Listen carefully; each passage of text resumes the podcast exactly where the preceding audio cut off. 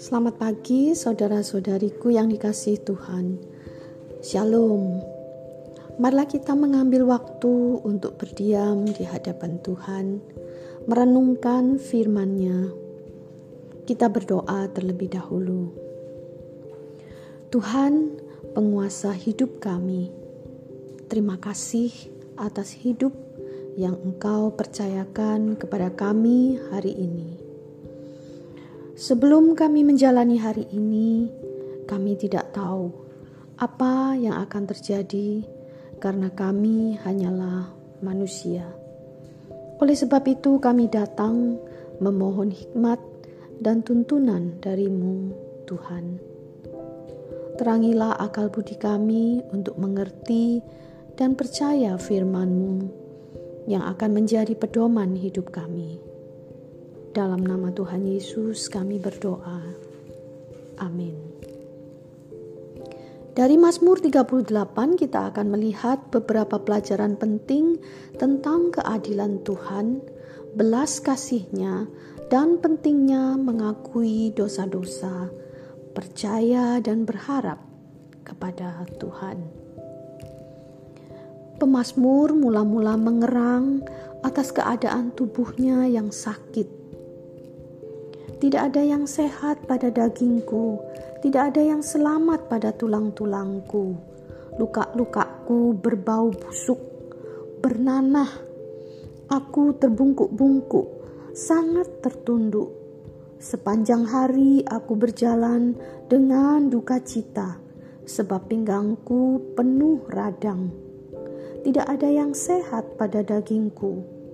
Aku kehabisan tenaga dan remuk redam. Aku merintih karena degap-degup jantungku. Jantungku berdebar-debar, kekuatanku hilang, dan cahaya mataku pun lenyap daripadaku. Sakit yang dialami pemazmur sangatlah parah. Luka-luka yang busuk dan bernanah, radang di pinggang, jantung yang berdebar-debar, dan kemungkinan dapat mati sewaktu-waktu. Mengapa pemazmur yang percaya kepada Tuhan mengalami sakit yang sedemikian parah sampai sekarat?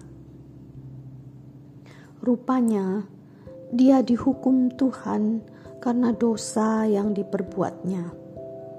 Suatu dosa yang sangat besar kemungkinannya Pemasmur mengetahui betul bahwa sakitnya ini akibat kesalahannya. Ia berseru kepada Tuhan, "Sebab anak panahmu menembus aku dalam gerammu, tanganmu telah turun menimpa aku. Tidak ada yang sehat pada dagingku karena amarahmu."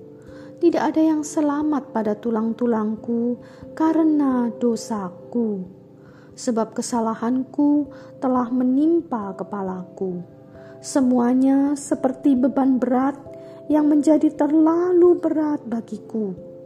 Luka-lukaku berbau busuk, bernanah oleh karena kebodohanku. Dari sini kita belajar bahwa ada sakit yang disebabkan karena dosa. Tidak semua sakit disebabkan oleh dosa. Tuhan itu adil, karena itu Ia menghukum setiap orang yang berbuat dosa, termasuk anak-anak Tuhan, orang-orang Kristen. Allah yang Maha Adil tidak dapat membiarkan orang yang melakukan dosa bebas dari hukuman. Terhadap anak-anaknya, orang-orang yang percaya kepadanya, Tuhan memberi hukuman agar anak-anaknya bertobat. Karena itu, ketika seorang Kristen yang sakit parah mengetahui kalau sakitnya itu disebabkan oleh kesalahan dosa-dosanya, maka itu adalah anugerah dari Tuhan. Jika dia tidak tahu, maka dia tidak akan bertobat. Jika dia tidak bertobat, maka dia tidak akan sembuh dan mungkin saja dia mati. Karena sadar bahwa sakitnya disebabkan oleh dosanya, pemazmur datang kepada Tuhan, mengakui dosanya dan memohon belas kasih Tuhan. Ini adalah langkah pertama yang penting. Tuhan, janganlah menghukum aku dalam gerammu, dan janganlah menghajar aku dalam kepanasan murkamu sebab anak panahmu menembus aku, tanganmu telah turun menimpa aku.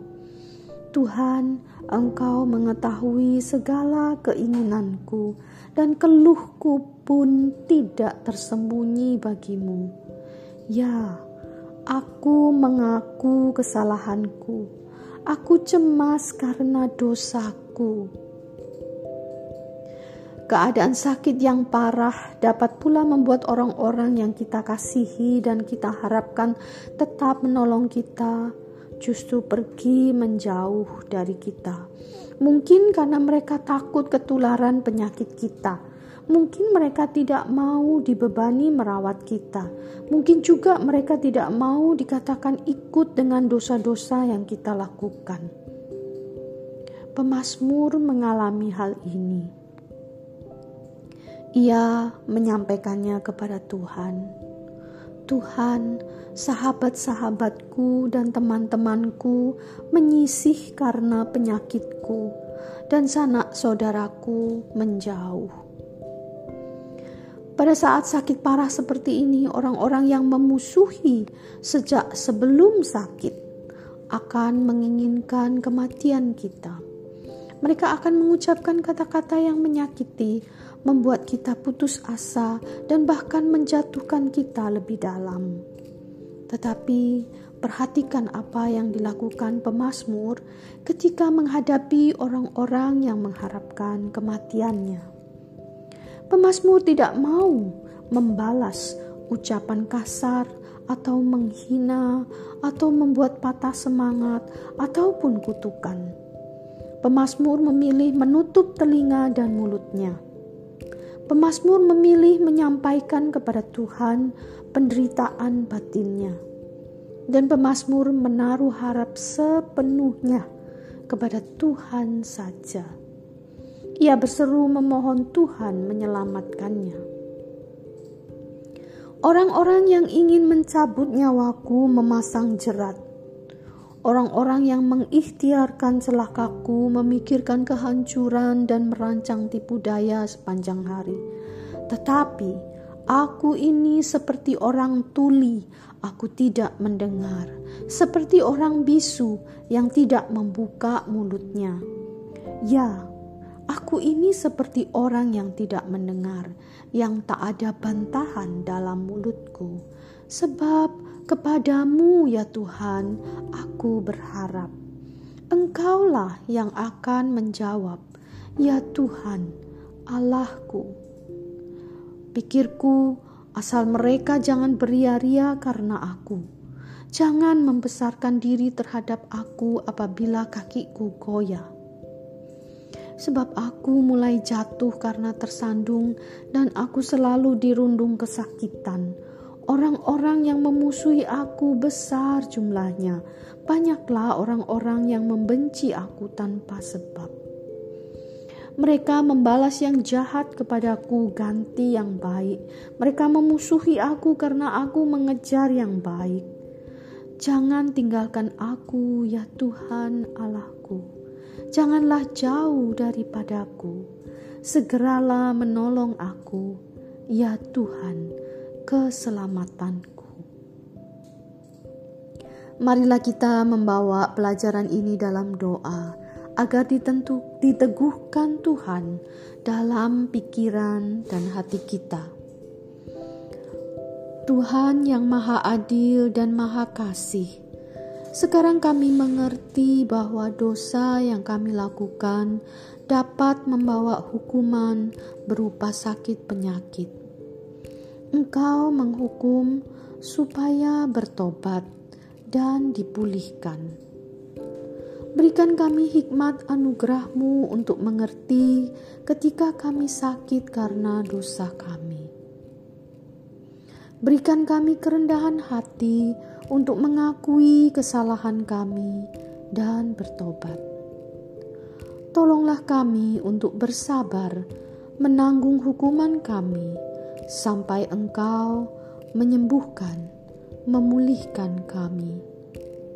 Kami menaruh seluruh harapan kami hanya kepadamu saja. Dalam nama Tuhan Yesus kami berdoa. Haleluya. Amin.